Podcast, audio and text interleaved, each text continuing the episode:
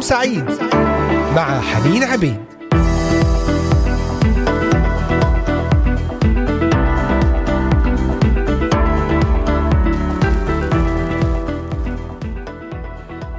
وسهلا بكم أحبائي مستمعي إذاعة صوت الأمل وخاصة مستمعي برنامج نهاركم سعيد. معكم على الهواء مباشرة حنين عبيد.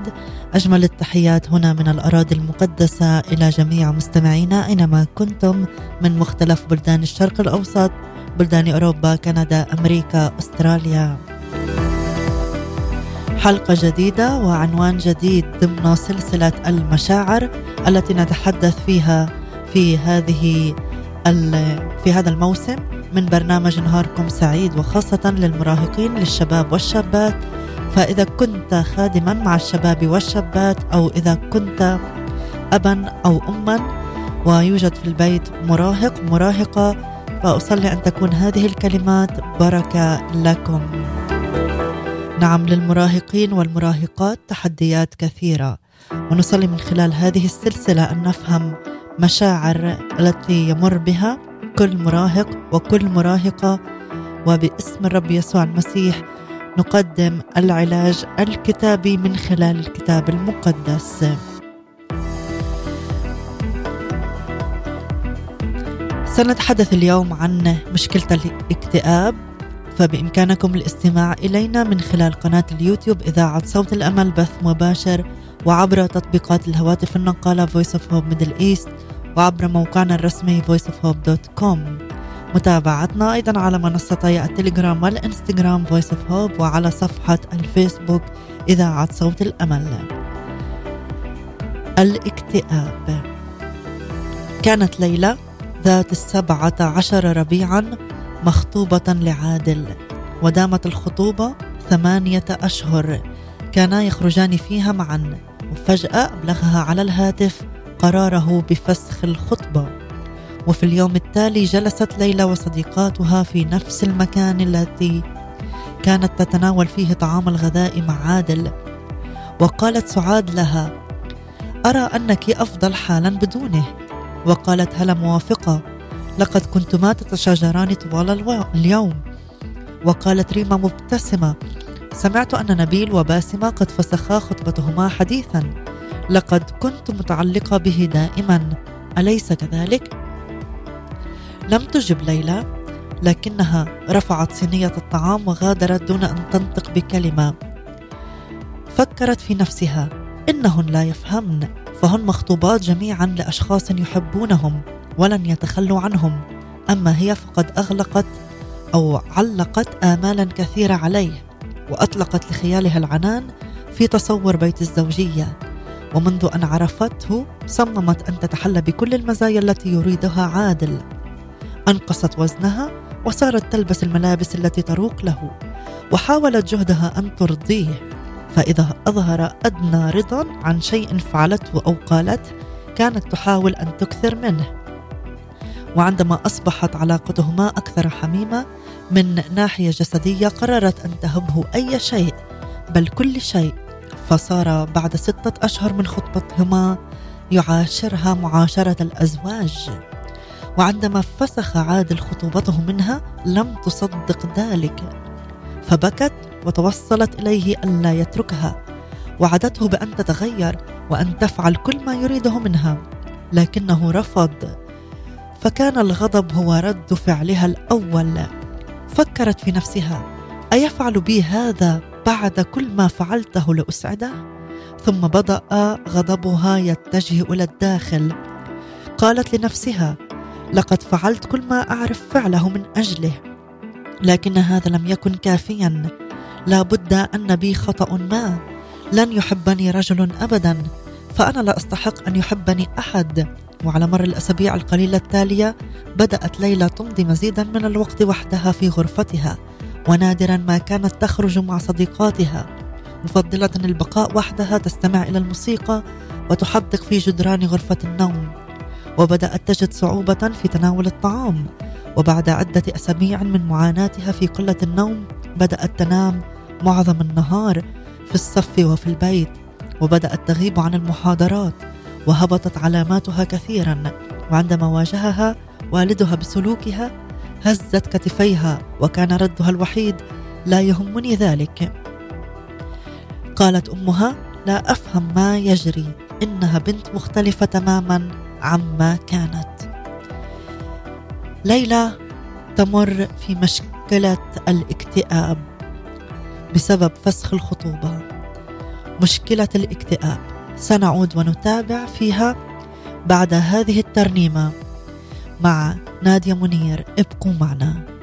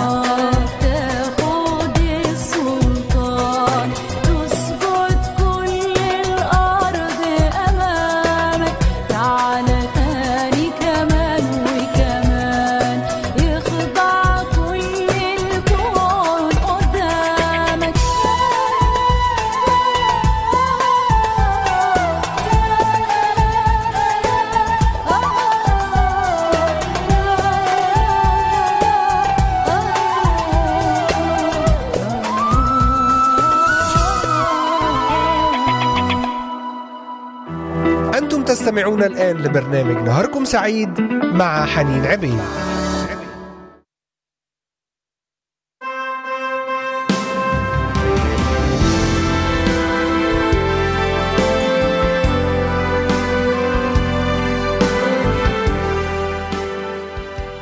عدنا إليكم أحبائي المستمعين بعد هذه الترنيمة الرائعة مع نادية منير حقك تاخذ السلطان. عندما يمتلك الرب حياتنا ويأخذ السلطان ويخضع كل شيء له. سنختبر الحرية من أي مشاعر سلبية وفي حديثنا في هذا اليوم عن الاكتئاب. الاكتئاب الذي يعاني منه الأغلب وخاصة المراهقين والمراهقات. مشكلة الاكتئاب كان يعتقد فيما مضى أن الاكتئاب مشكلة مقصورة على الكبار إلا أنه يشكل حالة دائمة لدى كثير من المراهقين ومن هم دون سن المراهقة. يقول بعض العلماء إن الباحثين والأطباء السريريين يعترفون الآن بأن الاكتئاب كثيرا ما يصيب الأطفال والمراهقين ومع أنه من الصعب معرفة عدد المراهقين المصابين بالاكتئاب إلا أن المعطيات تدل على أن نسبة كبيرة من الشباب يعانون من مشاعر تعاسة ويأس قوية. ويقول أحد المصادر الإحصائية إن حوالي 5% من المراهقين يعالجون سريريا من الاكتئاب كل سنة. إن هذه الحالة معقدة ومحفوفة بالمخاطر وهي تبدو غالبا وكأنها تتحدى الوصف والتعريف ويرجع هذا جزئيا إلى أن الناس يستخدمون تعبير الكآبة للإشارة إلى أشياء مختلفة مثل الحزن العام أو فترة من تعكر المزاج أو الخزي بعد الفشل أو فترة من الضغط العصبي والتفجر العاطفي. حتى إن المختصين في الصحة العقلية جاهدوا سنوات طويلة من أجل إيجاد تعريف واحد يعرف أحد القواميس الاكتئاب بأنه حالة من الإحساس بالحزن لكنه يضيف تعريفا ثانيا إنه اضطراب نفسي عصبي أو اضطراب ذهني يتميز على وجه الخصوص بالحزن والخمول والصعوبة في التفكير والتركيز وارتفاع أو انخفاض كبيره في الشهية ووقت النوم ومشاعر الغم وفقدان الأمل والميول الانتحارية أحيانا. ويعطي جون وايت في كتابه أقنعة الحزن تعريفا مفيدا لأشكال الاكتئاب. المرض المكتئب اكتئابات رئيسية اكتئابات ثانوية والاكتئابات الرئيسية تتفرع إلى احاد القطب وثنائي القطب المرض المكتئب نوعان اكتئابات رئيسية واكتئابات ثانوية. سوف نتحدث عنها بعد هذه الترنيمة. ابقوا معنا. عمري ما إيدك فشلت فيا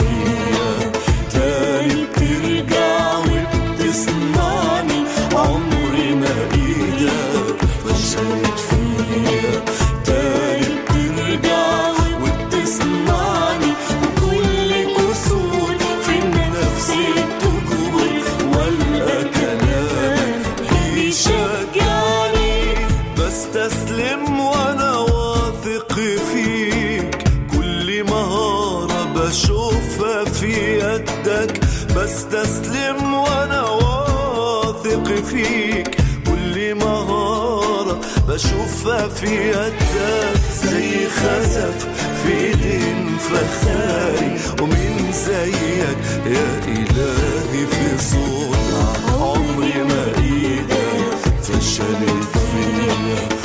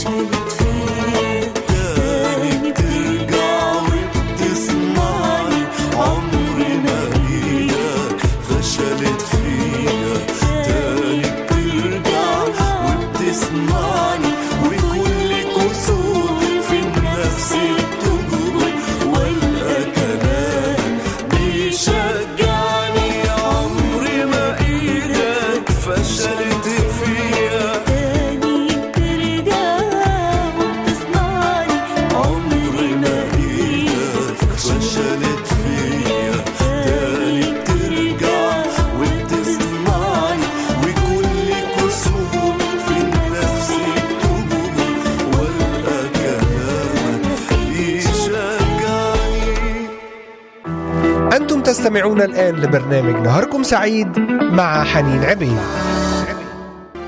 عدنا إليكم أحبائي المستمعين بعد هذه الترنيمة الرائعة. عمري ما إيدك فشلت فيا. ونناقش اليوم موضوع الاكتئاب. وذكرنا أن الاكتئابات الرئيسية هي إيه، اضطرابات مزاجية غير مرتبطة بأي شكل آخر من المرض العقلي أو الجسدي.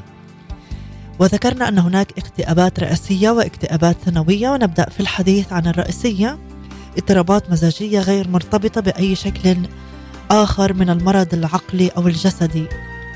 يمكن تقسيم الاضطرابات الجسدية أو الاكتئابات الرئيسية بدورها إلى قسمين اكتئابات ثنائية الجانب واكتئابات أحادية الجانب.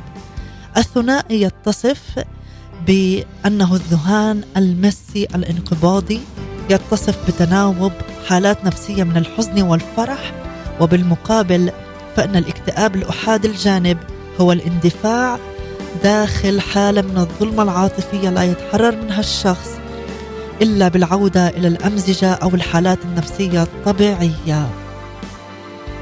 يصعب تحديد الاكتئاب الذي يصيب المراهقين أو التعرف عليه لأن أعراضه مختلفة عن الأعراض التقليدية.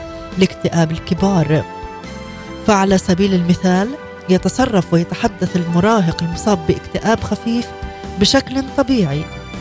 ولا توجد لديه أعراض خارجية للاكتئاب. ويظهر اكتئاب المراهقين الخفيف في أحلام اليقظة أو في أحلام أثناء النوم. ولا يمكن التعرف إلى الاكتئاب الخفيف إلا بمعرفة نمط تفكير الطفل ومحتواه. ولا يستطيع تحديد الاكتئاب في هذه المرحلة إلا عدد كبير من المختصين.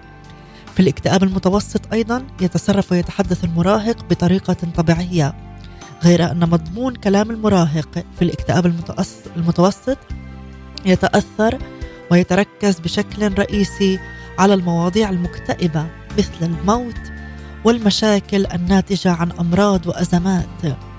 وبما أنه يبدو أكثر آه، أنه كثيرا من الكبار يفكرون باستمرار في أمور سلبية مكتئبة فربما لا يلاحظ اكتئاب المراهق. في الغالبية العظمى من الحالات لا يبدو الاكتئاب على المراهق إلا في الحالات الشديدة غير أن هنالك استثناء لذلك إلا أنه أمر صعب تمييز الاكتئاب عند المراهقين لأنهم ماهرون في حجبه أي أنهم يستطيعون إخفاءه بأن يظهروا وكأنهم على ما يرام بينما هم في غاية التعاسة. ويسمى هذا بالاكتئاب الباسم. وهذه واجهة أو قناع يلجأ إليه المراهق من غير وعي خاصة عندما يكون هناك أشخاص كبار حوله. وعندما يكون المراهقون المكتئبون وحدهم فإنهم يرفعون القناع أو يرخونه قليلا. يمكن تمييز الاكتئاب للمراهقين إلا أنه يبدو أمرا صعبا لأنه يمكن أن يتم الخلط بينه وبين الأمور الأخرى وقد يكون مصحوبا بأمور أخرى مثل مجموعة أعراض جسدية. ما هي أسباب الاكتئاب؟ سوف نتعرف عليها بعد الفاصل. ابقوا معنا.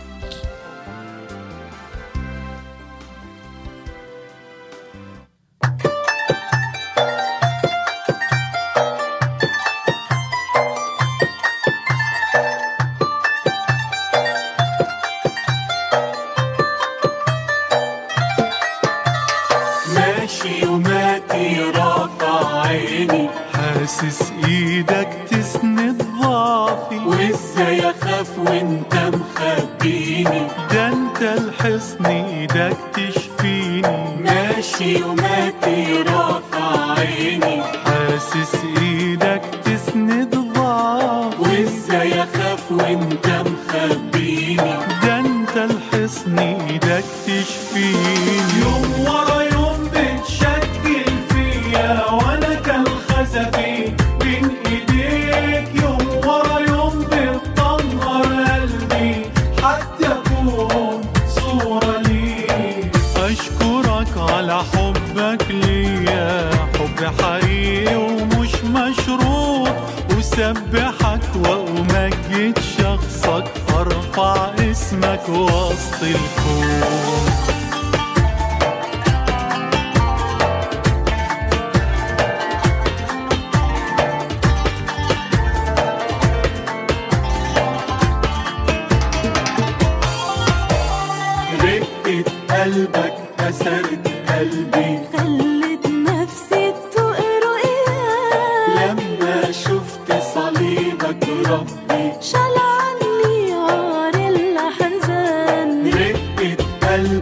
أسرت قلبي.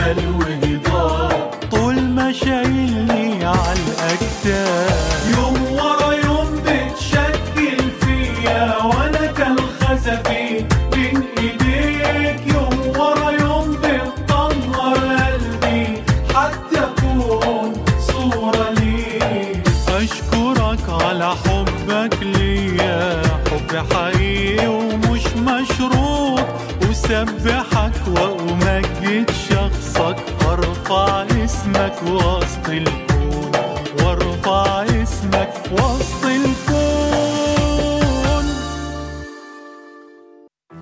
أنتم تستمعون الآن لبرنامج نهاركم سعيد مع حنين عبيد.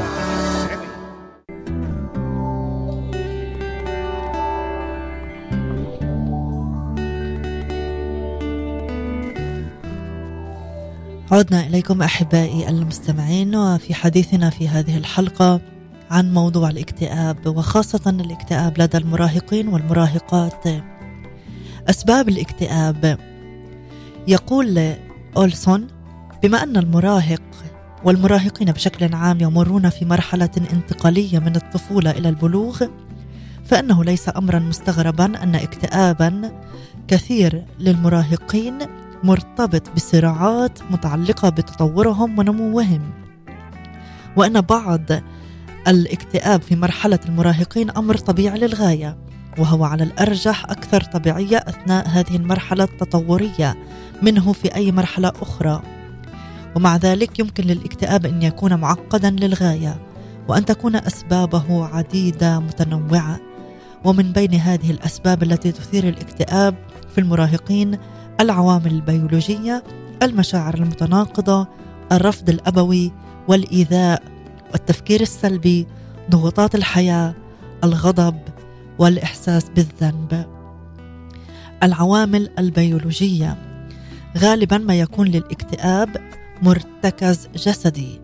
فنحن نعرف على أبسط مستوى أن قلة النوم أو عدم ممارسة الرياضة أو الآثار الجانبية لبعض الأدوية أو المرض أو الغذاء غير المناسب يمكن أن يتسبب في الاكتئاب.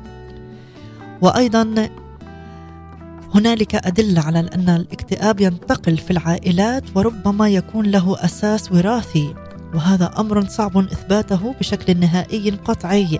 فتقارير الأبحاث المتناقضة تكون أحيانا في تناقض أكثر. وقد ربطت أبحاث أخرى الاكتئاب بكيمياء الدماغ التي يمكن أن تتغير غالبا بتناول أدوية مضادة للاكتئاب. هذا عن العوامل البيولوجية وهناك مشاعر متناقضة. يعتبر أو يعتبر بعض الأطباء النفسيين المشاعر المتناقضة أكثر الأسباب الشائعة التي تجعل أو تعجل في إحداث الاكتئاب. وهو يعرف بالمشاعر المتناقضة على أنها إحساس الشخص بأنه واقع في شرك أو فخ أي أنه غير قادر على علاج وضع لا يحتمل.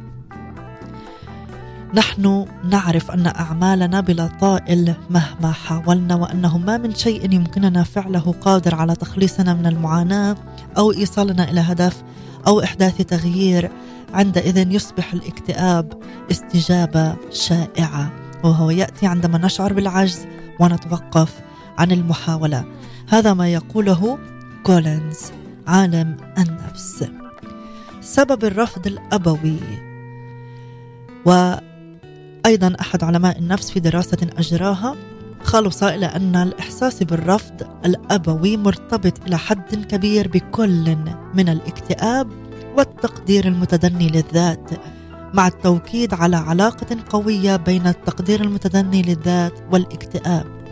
وقد اتفقت المعطيات التي توصلا إليها مع دراسات أخرى أجراها براون وهاريس تقول إن الشباب الذين يختبرون رفضا من آبائهم أو يحسون به أكثر ميلا من غيرهم إلى اختبار الاكتئاب.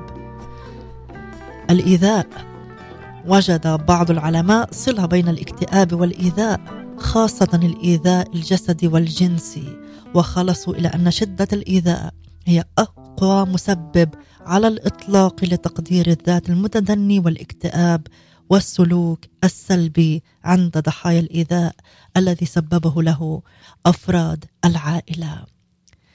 سنعود ونناقش أسباب أخرى بعد الفاصل ابقوا معنا.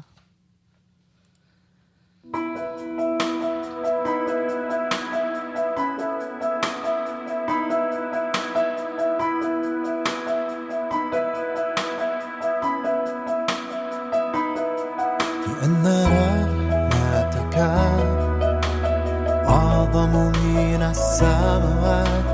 رحمتك أعظم من السماوات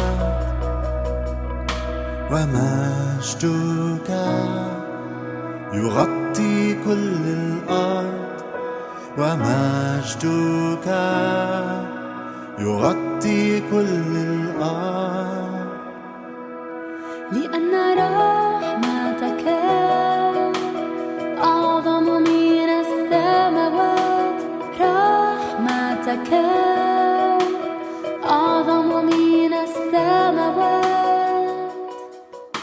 ومجدك يغطي كل الأرض ومجدك يغطي كل الأرض سأغني وأعزف لك. سأغني وأفرح بك. سأغني وأعزف لك.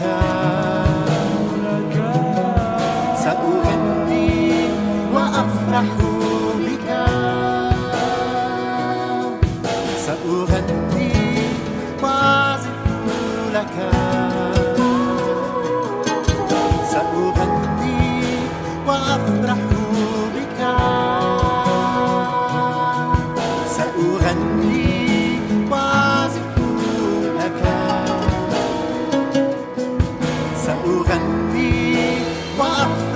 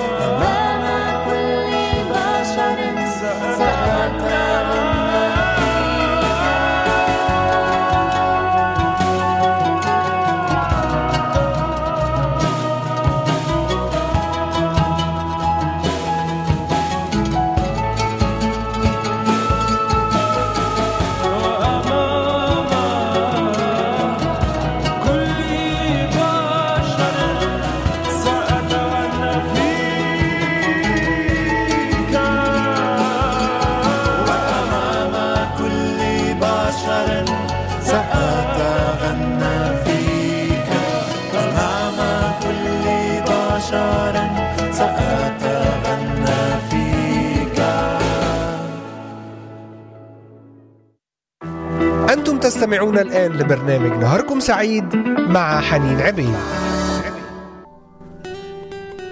عدنا إليكم أحبائي المستمعين وفي حديثنا في هذه الحلقة عن الاكتئاب ضمن سلسلة المشاعر. ذكرنا عن أسباب الاكتئاب ونكمل فيها. سبب آخر هو التفكير السلبي. يمكن لعادات الشاب العقلية وطرق تفكيره أن تجعله عرضة لمرض الاكتئاب.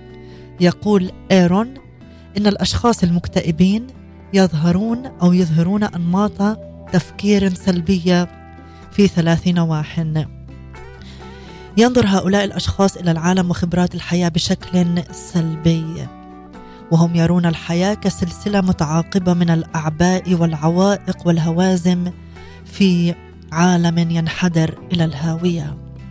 ثانيا لدى كثير من الأشخاص المصابين بالاكتئاب نظرة سلبية إلى ذواتهم فهم يشعرون بالضعف والنقص وعدم الكفاءة وعدم الاستحقاق للاحترام والعجز عن القيام بأمور بطريقة ملائمة ويمكن أن يؤدي هذا بدوره إلى لوم الذات والشفقة على الذات. ثالثا ينظر هؤلاء الأشخاص إلى المستقبل بطريقة سلبية. وهم لا يتوقعون إلا الاستمرار في المشقات والإحباط واليأس. الضغوطات العصبية في الحياة. يرى كثير من العلماء والباحثين أن الضغط العصبي عامل حيوي من العوامل المسببة للاكتئاب. عندما يواجه شخص احداثا محملة بالضغط العصبي في الحياة يحس أنها تستبد به أو تهدده فإن أحد ردود الفعل المحتملة هو الاكتئاب. وقد تشمل مثل هذه الأحداث في الحياة في حياة المراهق قطعا لعلاقة قوية مع صديق أو خلاف عائلي أو انفصال الوالدين أو الطلاق أو موت أحد الوالدين أو حمل أو إجهاض غير مرغوب فيه أو أي حدث من شأنه أن ينتقص من تقدير المراهق لذاته. مثل طرده من المدرسة أو عدم الموافقة على ضمه إلى فريق معين أو الرسوب في الدراسة أو عدم دعوته إلى نشاط معين الغضب من المحتمل جدا أن يعاني الشاب الذي لم يتعلم أن يجد بعد طرقا للتعامل الفعال مع الغضب أو التعبير عنه من مرض الاكتئاب. نجد مرة تلو الأخرى في الكتب المؤلفة حول هذا الموضوع أن الاكتئاب يصور على أنه غضب موجه إلى الداخل. غضب موجه إلى الداخل ومن ثم ينتقل هذا الغضب إلى الخارج في تعابير الوجه والصوت وإيماءات الأفراد المكتئبين. عواقب الاكتئاب طبعا عواقب جسدية كثيرة أمراض مختلفة للاكتئاب قلة الشهية أو الإفراط في الشهية قلة النوم أو عدم النوم أمور في الرأس اوجاع في الرأس تدني في مستوى الدراسة تدني في الحالة الروحية فتور في العلاقات. أحلام اليقظة قصر فترة التركيز. والانسحاب من أي نشاط والانسحاب من أي أمور أخرى. كيف نعالج الاكتئاب؟ من نظرة الكتاب المقدس. إن الكتاب المقدس يتحدث عن الاكتئاب بلغة انحناء. النفس ونستطيع أن نلمس في مزمور الثاني والأربعين العذاب الذي تتضمنه الكلمات التالية. نفسي منحنية في. لماذا أنت منحنية يا نفسي؟ لكن الكتاب المقدس لا يعالج موضوع الاكتئاب بحد ذاته غير أن المزامير تحوي بالفعل آيات كثيرة كتبتها على ما يظهر نفس إنسانية وصلت إلى أعماق العاطفة الإنسانية. يقول مينورث يسجل لنا الكتاب المقدس أعراض كآبة لأشخاص مثل أيوب وموسى وايليا وداود وإرميا. ويقول كولينز إن الرب يسوع نفسه رغم كماله وخلوه من الخطية كان يعاني من الكآبة في الأيام السابقة لصلبه. إذ يقول الكتاب المقدس بدأ يدهش ويكتئب. وتصف إحدى الترجمات عذاب يسوع في بستان جثسيماني على هذا النحو. بدأ يسوع يظهر الأسى وانزعاج الفكر وكان مكتئبا بعمق. ثم قال لبطرس ويعقوب ويوحنا إن نفسي حزينة جدا حتى الموت. تظهر هذه الأمثلة الواقعية التي تميز الكتاب المقدس. لكن هذا اليأس الواقعي يقارن برجاء أكيد. خرج المؤمنون الذين عانوا من الاكتئاب من حالتهم بنجاح واختبروا فرحا جديدا ودائما.